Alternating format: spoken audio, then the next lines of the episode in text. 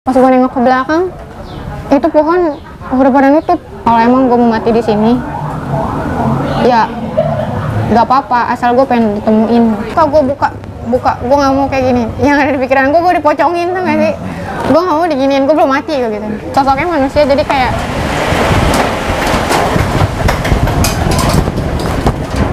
kamera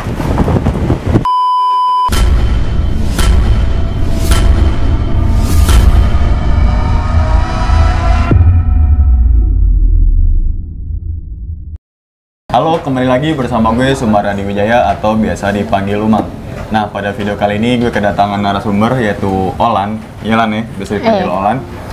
Dia sedikit menceritakan terkait pendakiannya ke Gunung Cermai via Linggarjati dan memang pada pendakian saat itu ada suatu insiden yang tidak diinginkan ya.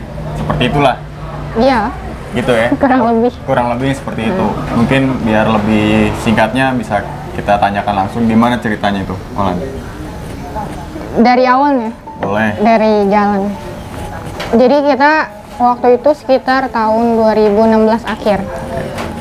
Terus sekit berapa orang ya? 10 12 orang. 12 orang, tiga orang cewek. Tapi gue beneran nggak kenal sama mereka. Oke. Cuman eh ada kenal dua orang cowok. Gue ketemu di tempat. Di base camp Linggarjati itu. Pas gue lagi di sana otomatis kan kenal di sana tuh ya? Iya. Pas kenal di sana dua orang cewek ini rada nggak akur sama gua.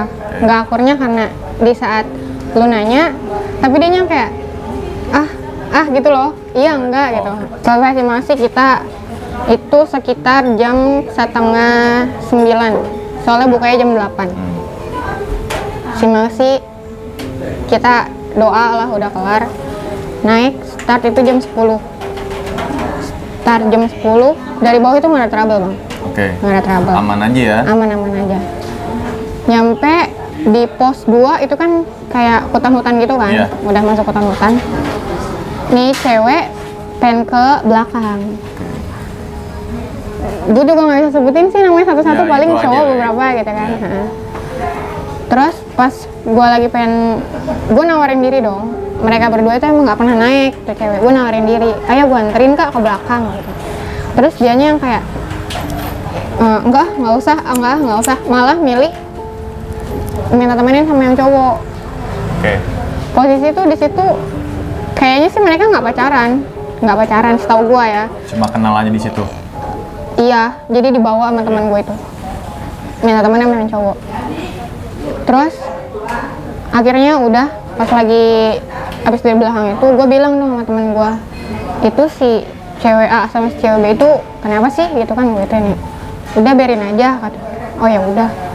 Pas lagi naik lagi itu mereka kayak apa sih bang gelendotan gitu loh. Oke oke. Kayak dikit-dikit ah capek Oh, gitu ah capek. Guanya kesal sendiri. Akhirnya gue jalan di duluan tuh nggak lama disusul balik nyampe di Bapak Tere. Setahu gue kita emang nggak boleh ngecamp di Bapak Tere kan? Emang nggak boleh ngecamp di Bapak Tere.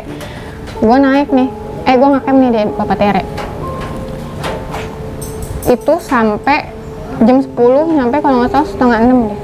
Setengah enam sore mau maghrib. Iya mau maghrib. Pas mau maghrib, gue bilang sholat yuk. kan. Udah sholat di, ah, dia tuh jadi ada dua jalan gitu. Eh satu jalan terus kayak dua lapang gitu, dua Oke. tempat lapang. Kita sholat di sebelah kirinya. Kita bikin tenda apa apa di sebelah kanan. Pas gua sholat, gimana sih kalau sholat tapi nggak fokus bang? iya iya iya sholat gak fokus gua ngeliat nih yang cowok itu yang cewek itu yang yang cowok yang cewek berduaan di bawah turunan Hmm. di bawah turunan gitu Hmm. Gue sholat tapi nggak fokus, nggak fokus itu sumpah. Iya, iya. soalnya di berduaannya kepalanya nggak kelihatan. Kakinya doang. Oke. Jadi kayak gi- gimana sih? Iya, iya. begini gitu. Loh udah kelar sholat gue ngomong dong sama temen gue sumpah gue kayaknya risih banget deh naik sekarang gitu. Temen gue cuma bilang udah nggak apa-apa katanya. Nggak usah diiniin lah. Jadi diri lu aja yang biasa kayak gimana. Gitu oke gue gituin. Pas kita mau istirahat itu udah kelar makan malam jam setengah sembilan. Kurang lebih jam segitulah. Pas kurang lebih jam segitu itu cewek harusnya kan stand sama gue ya? Iya. dia langsung ngambil SB-nya dong. Ngambil SB-nya kita ada tiga tenda. Dia lebih mirih dempet-dempetan di tenda sebelah ketimbang sama gua. Habis itu kan tenda lu bertiga doang pasti kan kedengeran ngomong kan. Gua gua itu tidur jam 12 malam gitu udah jam segitu gua tidur. Nah sebelum jam segitu si cewek tuh ngomong gini oh katanya aku nyesel mas kata gitu naik sekarang itu cewek siapa sih? Gua aja nggak pernah bikin ma- masalah istilahnya. Dia sampai ngomong kayak gitu. Dari situ udah dari awal sih emang udah bikin nggak nyaman naik. Pas naik besoknya nih ya. Besoknya gua inisiatif. Kan kita udah makan nih. Kita mulai dari bapak tere muncak itu kita DP-kan Oke. DP-kan nggak bawa keril. Udah kelar makan pagi kita mau naik nih. Terus temen gua kan bawa tas yang 45 liter. Bawa tas yang 45 liter. Gue nggak tahu kenapa ya nggak tahu apa dia ada di otak gue gue bawa gue bawa beras. Gue bawa air sampai yang yang gede sampai 4 Oke. Itu gue bawa sampai 4 sampai bawa SB gue tuh nggak tahu lah apa yang gue pikirin tadi situ. Temen gue nanya lu ngapain bawa SB ke puncak? begituin bawa playset juga gue kan. Gue nyariin pasak. Kata temen gue lu ngapain? Katanya lu mau- kita kan nggak bakal ngecamp di atas lu Iya. buat apa? Gitu nggak tahu kenapa feeling aja gitu loh. Gue pengen bawa gue pengen bawa aja gue takut kenapa-napa gitu. Akhirnya naik muncul gak ada apa-apa tapi kabut. Hujan gede di atas. Nah masalahnya itu pas kita pas turun. Turun kan batu-batu tuh. Iya. habis itu pos terakhir tuh pos yang ke 12 pokoknya pokoknya pas batu-batu itu lupa gue juga apa nama posnya. Akhirnya gue pecah di situ. Pecah tim. nggak pecah tim gue lari langsung sendiri. Oke. gue lari.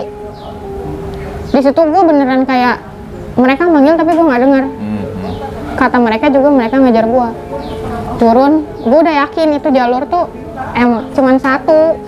Terus adanya juga aliran air yang ke gerus batu ke gerus air gitu loh. Iya, iya. gue lari aja di situ. Pas udah mau masuk daerah Batu Lingga kan masih kayak batu-batu gitu kan sebelum masuk Batu Lingga. Itu gue yakin itu jalur satu doang itu jalur satu doang. Tapi nganan terus. Nganan terus. Gue jalan lari-lari. Ngehnya pas gue di depan liat lutung. Gue berhenti. Lutung Jawa. abu-abu gitu warnanya Heeh, tinggi. Dia diem aja tuh kayak madep ke gue madep ke gue. Gue diem. Pas gue nengok ke belakang itu pohon udah pada nutup. Kayak ilalang pohon-pohon kecil gitu. Yang gue yakin itu nggak ada tadi. Jadi cuma jalur doang. Hmm. pas gue nengok ke belakang itu langsung kayak krek begitu. Terus yang gue lihat ke bawah itu rumput aja udah. Rumputan. rumput liar. Gue langsung di situ gue langsung diem tuh. Nggak mikir apa apa gue langsung diem kan. Gue mikir ini kenapa ya gue gitu ini? Cuman mikir itu doang. Akhirnya gue diem cuman teriak-teriak doang. Terus gue juga bawa peluit kan bawa peluit-peluit gak ada yang nyaut. Habis itu gue cuman denger bunyi lan lan di sini gitu. Lan lan sini. Tapi kayak suara kecil banget. Akhirnya gue eh, berpikir buat kalau misalkan gue jalan lurus ke depan gue makin jauh. Akhirnya gue coba buat balik lagi. Gue yakin banget itu jalan yang gue lewatin itu jalan setapak. Akhirnya gue telusurin kan telusurin balik. Terus yang gue inget gue lari emang ngegapai semua ngegapai semua gitu loh biar nggak ngejengkang. Terus gue pikir kalau nggak ada tanah kecabut paling ranting patah. Ya udah akhirnya gue cak gue gue nengok nengok itu gue ngelihat tanda gue lewat gitu. Nyatanya nggak ada. Nyatanya nggak ada. Akhirnya gue tuh gue, di- gue diem tuh di situ. Itu posisi udah jam hampir jam 5 sore. Udah sore ya. Heeh. Akhirnya gue diem. Gue makan tapi gue nggak makan nugget. Gue nggak bawa kompor. Jadi nugget mentah. Tapi gue bawa parat kayak pembakaran parafin gitu. Iya, itu ya. gue nyari kayu terus parafinnya gue potong tipis-tipis biar awet. Gue nyalain. Buat ngangetin badan gue doang. Tiba-tiba gue nggak kayak ngedenger azan gitu. Kayak gue nggak denger azan gue diem.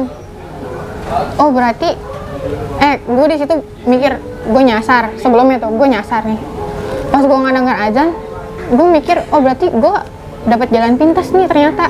Oke. buat nyampe ke bawah. Kan azan paling kedengeran nyampe pos 1 gitu Iya, kan? Iya, iya. berarti gue mikir di situ oh, udah nyampe pos 1 soalnya udah rimbun banget. Hmm. kayak bukan vegetasi udah rimbun. Oh gue nyampe pos 1 nih. Akhirnya gue jalan padahal posisi udah gelap gue jalan cuma pakai center handphone. Gue nggak bawa headlamp. Gue jalan denger bunyi kayak begitu. Orang ngedahem. Orang tapi bukan bunyi kayak macan rer begitu enggak bunyi gue nengok. Dari jauh ada kelihatan bapak-bapak. Cuman gue nggak berani nyamperin. Gue diem aja. Akhirnya gue duduk tuh. Akhirnya gue duduk di situ kan gue duduk gue pasang playset. Tapi gue ngikatnya pakai tali rapia.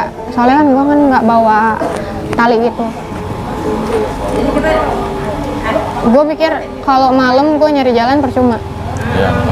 gue ny- jalannya gue diem tuh. Itu juga bentuk tendanya nggak jelas bang. Bentuk si playsetnya Asal diri aja ya. mending berdiri rebahan. Jadi gue kayak selimutan gitu. Iya, iya, iya. cuman jarak segini doang jadi gue masuk ke dalam. Gue pakai SB pas lagi kayak gitu gue denger bunyi gamelan. Bunyi gamelan. Habis itu dari jauh kayak orang kayak orang nari gitu. Kayak orang nari. Gue gue coba buat beraniin aja kali aja. Dia ngasih petunjuk ke gue gue jalan nggak nggak nyampe deket sih emang posisinya rada jauh kan kayak condong begitu. Iya, iya. condong. Rada jauh gue jalan gue deketin. Gue mikir lu persetan lah gitu lah. Persetan kayak coba kalau emang lu beneran lu nongol buat apa gitu loh? Lu mau ngasih unjuk gue jalan apa gimana gitu. Di situ amit-amitnya bukan amit-amit maksudnya kayak gue bener nggak inget nggak inget apa-apa kayak buat berdoa aja gue nggak sempet itu parahnya itu loh. Kayak buat berdoa gue kayak ya Allah tolongin gue itu enggak parahnya sih di situ gue sampai kalut gitu loh. Gue bilang ke dia gini tapi dalam hati kalau emang takut mah takut bang. Iya. kalau emang lu nunjukin ke gue buat apa gitu loh. Lu mau ngasih tahu gue jalan apa gimana? Dia tetap aja nari tetap nari Sorry, gue potong. Sosoknya cewek apa cowok yang nari itu? cewek kalau yang cowok tuh kayak dari jauh doang yang Suara cowok yang gitu ya? Mm. dia dari jauh terus gue gak berani gede banget bang gue tahu itu bukan manusia gitu Iya. apa pun monyet ataupun monyet gitu gue nggak berani kalau yang ini kan lu sosoknya masih bentuk manusia lah dia jadi kayak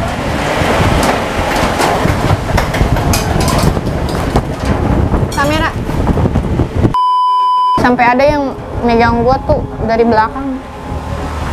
Mundur. Nggak ngomong mundur sih cuman hati gua kayak jadi tak begitu terus bilang mundur gitu doang. Hati gua kayak ngomong sama gua sendiri gitu mundur. Gua mundur. Masuk lagi gua ke dalam. Tuh gua nyemilin beras. Pas itu udah lapar banget gua. Pas gua makan ada yang ngomong gini teh nyuhunkeun. Bilang gitu teh nyuhunkeun. Tapi kayak gitu loh. Gue situ langsung ah apaan nih? Apaan nih? Maksudnya apaan nih? Gitu. Akhirnya gue coba buat tidur padahal gue nggak bisa tidur. Jadi kayak biar gue nggak suges biar gak gue gue nggak suges dan bikin nggak peduli kalau misalkan gue bertahan buat bangun kan kayak malah makin pengen tahu. Akhirnya setengah empat gue bangun gara-gara bunyi bunyi ranting itu loh pengen patah. Gue bangun di situ gue langsung lari keluar soalnya gue emang beneran bangun si flash itu ini pohon sama pohon tua. Oke. jadi gue takutnya tumbang ke gue gitu. Gue langsung lari keluar. Bener bang tumbang. Tapi nggak ke arah gua. Jadi yang satu ini malah ke sini. Terus plastik gue jadi robek gara-gara kan gue iketin ke situ di situ gue langsung gue harus jalan. Gue nggak diterima di sini. Gue jalan. Gue bu- udah udah hampir kan kalau kita di atas ketinggian itu jam 5 juga udah kelihatan Udah terang. Enggak, Oh, udah pagi, iya iya. jam 5 pagi udah kelihatan terang kan ya? Kayak tembus-tembus gitu. Jalan gua. Terus dengar bunyi air air kenceng kayak air terjun gitu. Di situ gua berpikirnya bukan buat ngedeketin air. Gue mikirnya gini. Hewan buas pasti ngedeketinnya mata air. Gue ngeliat persediaan air gue juga masih ada tiga botol. Kan gue kan bawa empat. Masih ada tiga botol akhirnya gue mencoba buat mundur. Tapi pas mundur itu malah tebing bang. Padahal gue yakin gue nggak ngelewatin tebing-tebing itu. Tuh di situ gue kayak berpikir kayak mah eh, maafin Olan ya. Gitu. jadi emang gue pas jalan itu emang gue nggak dibolehin awalnya. Terus gue di situ baru inget atau gue baru inget Tuhan. Kalau emang gue mau mati di sini ya nggak apa-apa asal gue pengen ditemuin. Gue waktu itu itu kan dua hari tuh ya? Iya, udah dua hari satu malam. Dua hari satu malam di situ emang gue boros banget sama air bang boros banget sama air. Terus gue udah nampung udah nampung dari kayak cover. Gue kan tasnya ada covernya. Gue udah ketampung cover pohon gue gini giniin pagi-pagi. Tapi kayak nihil. Gue taruh pas gue ke depan udah hilang airnya. Udah tuh di situ gue bawaannya kayak pengen tidur. Bawaannya kayak pengen tidur dingin tapi nusuk gitu loh. Nusuk ke jantung. Udah tuh akhirnya gue tidur tanpa plexit karena robek kan. Itu juga udah beda tempat gue masuk ke SB doang buat tidur. Nah di mimpi gue itu itu masih sore. Itu pas hari kedua eh, masih sore sekitar jam setengah empat. Setengah empatan itu gue benar-benar nggak ada pergi ke mana-mana bang. Tetap stay di situ. Heeh, cuman pindah tempat j- jarak berapa met berapa jauh lah gitu nggak jauh-jauh banget cuman gara-gara ngedeketin bunyi air doang gue jalan. Pas lagi di situ gue tidur tuh sore. Gue mimpi di situ kayak ada kakek-kakek bilang gini lu mau ngapain di sini dia bilang gitu lu mau ngapain di sini tahu kayak bahasa Sunda gitu. Terus dia bilang makanya turunin ego. Gitu. terus nggak tahu kenapa gue malah curhat. Malah curhat iya lagian tuh si itu gini gini gini. Terus dia bilang gini sekarang nggak nggak usah selalu nyalahin orang lain atas kesalahan lu sendiri. Bilang. Dia bilang gitu. Guanya nggak terima. Malah kayak gimana sih? Gue kalau cerita kalau lu lu nggak lu nggak ngerasain apa yang gue rasain gitu. Tapi itu gue nggak ngomong kayak dalam hati gue sendiri. Terus dia bilang gini kalau lu sadar apa yang lu lakuin salah lu pasti bakal nemu jalan keluar. Gitu jalan keluarnya tuh gue nggak ngerti itu maksudnya jalan keluar gue keluar dari situasi itu atau jalan keluar dari masalah lain gitu. Gue bangun jam gue tetap masih jam 4 gue kan pakai jamnya jam digital tau gak sih? Yang segaris itu. Iya, iya. gue nyalain. Itu masih jam 4 tapi posisi udah gelap. Posisi itu udah gelap. Gue di situ nggak bisa ngapa-ngapain bang. Gue juga yakin ada beberapa kejadian tapi gue nggak ngerasain. Gitu. Abis itu nggak lama pas si gue bangun itu gue diem aja di situ. Sampai ada dengar bunyi manggil gue orang olan olan gitu. Gue nggak mau nyamperin soalnya kan yang pertama tuh gue malah kayak ngerasa makin jauh kan. Oh iya, betul. akhirnya gue langsung diem tuh. Gue diem aja tapi gue ngeliatin ke sekeliling. Tahu taunya teman gue temen gue datang di situ gue langsung gue ngerasa gue masih punya tenaga tapi gue nggak bisa jalan. Kayak lemes gitu kan. Lemes. Dia datang sama dua orang. Dua orang. Akhirnya gue dibawa. Kayak lu kenapa di sini? Dia ngomong gitu. Terus gue bilang ya jelas-jelas gue nyasar. Dia malah ngoceh kayak lu tuh udah udah nandat apa jadi kan ada lu kalau masuk simulasi kan ada di buku gede lu Laporan. tulis laporan gitu kan. Nama gue tuh udah dicoret bang. Nama gue udah dicoret. Terus kata dia gue nelpon emak lu katanya lu belum nyampe Jakarta. Dia ngomong gue nggak gue nggak nanya apa apa lagi deh. Pokoknya dia nanya tapi kayak orang pelangap pelongo ngerti nggak sih? Oke. Nanya kayak orang pelangap pelongo akhirnya gue jalan. Ternyata itu nggak jauh dari Batu Lingga bang. Oh. pas gue jalan lurus itu ke kiri dikit. Jalurnya udah. iya udah jalur. Emang sudah ada ketutupan pohon-pohon gitu. Pas gue lagi di Batu Lingga ada PMR gitu. Ternyata ada PMR naik ada PMR naik gue dicek lah segala apa. Tangan gue kotor sama dia dibersihin pakai eh, air infus tuh apa NHCl ya? Dibersihin gitu. Takut katanya ada luka soalnya ada akar yang berbisa apa gimana gue juga nggak paham. Pas gue lagi dibersihin kayak gitu gue ngeliat ada kakek-kakek yang ada di mimpi gue gue duduk ini batu. Gue senderan di batu. Kan ada pelang di atas batu. Gue senderan ke arah sana itu kan ada pohon kakek-kakek itu nengok begini dari balik pohon. Padahal yang gue inget gue belum nyadarin apa kesalahan gue di situ gue belum nyadarin kesalahan gue di situ. Kesalahan gue tuh apa? Gitu. gue langsung nanya gini kesalahan gue apa di sini? Gue nanya dalam hati gue kenapa gue dibuat kayak gini? Gue nggak ada bikin macam-macam di atas. Tiba-tiba dia nyamperin bawa il ilal daun daun kering tapi segenggam. Bawa daun kering. Gue ngerasa yang ada di situ tuh pada ngeliat kok pada ngeliat pada ngeliat dia. Gue diginiin gue diginiin terus kepala gue digini-giniin pakai lalang itu. Udah sembuh digituin. Habis itu dia langsung jalan turun ke bawah. Pas gue lagi udah kelar kayak gitu teman-teman gue yang kayak ngajakin gue udah yuk udah yuk gitu. Kuat kan? Kuat. Jalan tuh di Bopong. Pas gue lagi di Bopong nggak nggak ngerti kenapa rame kuping gue kayak orang kayak eh ngomong gitu loh kayak di pasarnya kaki lemes udah gue nggak sadar. Pingsan. bisa jadi pingsan. Tapi gue di situ kayak ngimpi bang kayak ngimpi seakan-akan tuh gue kebangun. Kebangun gue masih di tempat yang sama.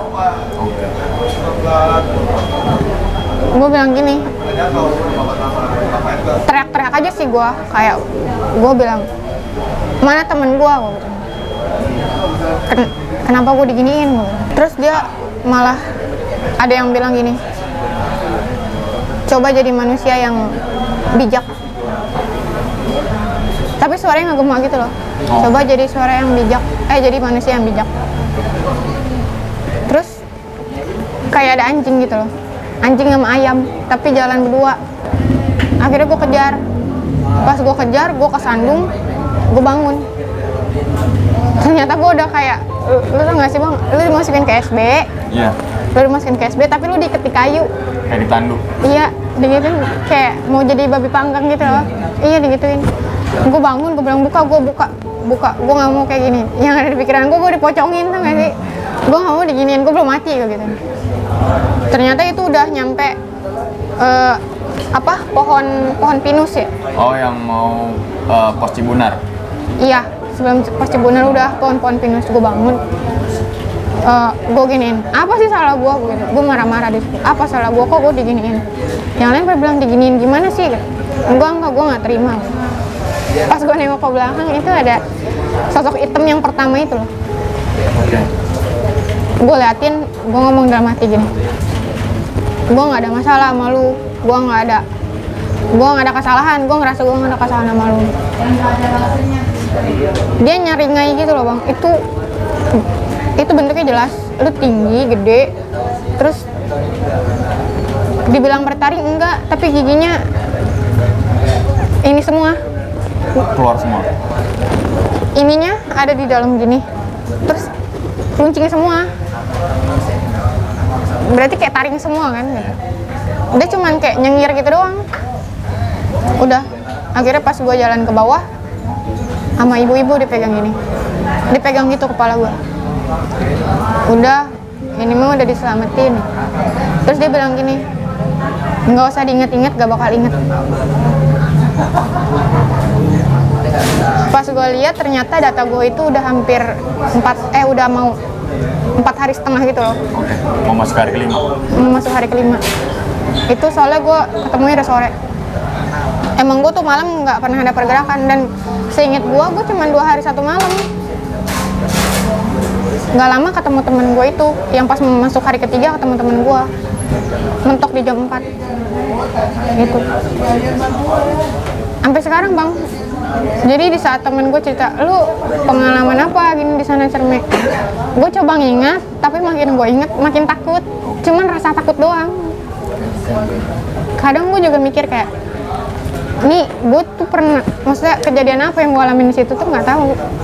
Cuman sekilas itu doang. Itu juga karena maksa-maksa awalnya. Pengen, pengen mencoba mengingat kejadian itu ya? Iya. Oh oh oh jadi gue gini nih kayaknya oh oh gue gini tapi hal terbesar itu gue nggak tahu. Oke paham. Terus ibu-ibu tuh bilang gini udah minta maaf sama orang tua. Kayak gitu ini gue nggak ngerti itu ibu-ibu tiba-tiba aja bawa wortel. Lagi lu jalan bawa wortel baru dicabut. Itu juga pohon wortel gue nggak tahu dari mana. Langsung nanya kayak gitu dan minta maaf orang tua. Gue baru sadar ternyata gue baru minta maaf sama gue pas di atas itu gue minta maaf. kan oh jadi gue ngakuin kesalahan gue tuh di sini. Udah pas balik balik emak gue diem aja kan. Padahal emak gue tahu diem. Seminggu kemudian emak gue nanya gimana? Udah sehat? Gitu. Soalnya gue emang emak gue ke kamar cuma ngasih makanan gitu. Terus emak gue bilang jangan gitu lagi. Habis itu kayak ada ustadz gitu loh bang. Oke. Samping rumah gua kan ustadz. Ustadz itu bilang ke emak gua si Ola ini belum dilepas. Gue juga nggak paham deh itu dilepasnya kayak gimana. Si Ola ini belum dilepas gitu jangan kasih lagi dia buat bukan jangan kasih sih kayak batasin gitu loh batasin buat ke gunung itu lagi. Terus pas gue lagi nongkrong ini udah tahun-tahun sekarang ya? Pas gue lagi nongkrong sama temen gue ini teman gue juga gue nggak kenal sih siapa jadi ya berasa temen aja deh. Pas lagi ngumpul bareng gitu ini orang datang cerita tentang ada cewek ngilang. Tapi namanya disamarin kata dia gitu. Terus gue langsung ketawa-tawa aja. Pas dari situ gue coba lagi buat naik ke cermek tapi trouble lagi trouble lagi. Dan sampai sekarang trouble lagi. Iya. Oke itu ada lagi gak ulang apa kalau misalnya inget kan tadi susah buat inget ya? Kalau diinget takut banget sih bang takut sendiri ya? Iya. trauma membekas kali ya? Iya gue gue nggak ngerti kayak takut. Tapi intinya setelah dari situ gue coba lagi buat naik. Ada lagi masalah ada lagi masalah. Sampai sekarang maksudnya di gunung itu di gunung itu di jalur itu di gunung itu cerme di jalur Linggarjati Iya. sampai sekarang ketika naik gunung itu tetap trouble trouble Ini pembahasannya seru juga ya sebenarnya teman-teman. Sebenarnya cerita dari Olan ini sudah dinaikkan di YouTube-nya Prasojo ya dalam bentuk Eh, enggak itu yang dinaikin tuh cerita yang setelah ini oh setelah ini yang trouble itu yang trouble. Tapi ini gue coba menghadirkan narasumbernya yaitu Olan. Sebenarnya banyak banget dipetik ya untuk dilanjutin juga. Kalau begini sebenarnya tadi ketika kita tag nih ada tiba-tiba angin gede banget nih Lan ya. Nih nanti gue coba kasih. Cuplikannya. Cuplikannya nanti gue kasih. Ini benar-benar makanya misalkan gue dilanjutin juga gue juga eh, menjaga keadaan Olan juga takutnya kenapa-napa jadi banyak sekali yang dipetik pada cerita kali ini yang pertama mungkin selain basic pengetahuan penyinta alam selain lo tahu tentang ilmu penyinta alam izin orang tua. Itu adalah mungkin basic ilmu yang soft skill ya. Dan itu harus harus sih. Lo mau ke mana pun ketika keluar rumah lo wajib eh, namanya izin minta izin orang tua. Apalagi ketika kalian melakukan eh, alam bebas keluar alam bebas. Mungkin kalau kita simpulin cerita dari awal ini sangat sulit buat dideskripsiin. Gue juga nggak tahu gue nyimpulinnya gimana? Yang penting lo izin orang tuanya dulu deh karena insiden-insiden seperti itu kita nggak akan tahu. Ola ini tersesat di Gunung Ciremai selama empat hari. Dan alhamdulillah beliau sampai saat ini masih ya masih Masih nongol di sini. masih nongol di sini nih kan padahal Masih kejadian nongol di sini. 2016 ya 2016 2016. nah untuk kelanjutan ceritanya uh, mungkin nanti lo tonton aja vi- setelah video kali ini karena kalau kita lanjutin juga nggak kondusif nih Cuk, apa ya kondisinya bukan kondisi kerumunan orang bukan tapi ada salah satu hal yang ketika tadi kita tag ya sulit buat deskripsi ini lah ya. Entah lo percaya apa kagak itu terserah lo. Mau bilang ini settingan juga serah lo gitu. Oke, sekian aja dulu uh, video kali ini. Kalau lo mau subscribe, mau kagak itu serah lo, mau like, mau kagak serah lo, mau share, mau kagak serah lo, karena itu adalah hak lo masing-masing. Tapi kalau video ini cukup uh, apa ya, menginformasikan, mengedukasikan untuk teman-teman semua yang katanya notabene adalah pendaki, ya silakan saja lo subscribe, silakan saja lo like, silakan saja lo share. Oke, sampai sini dulu video kali ini dan bye.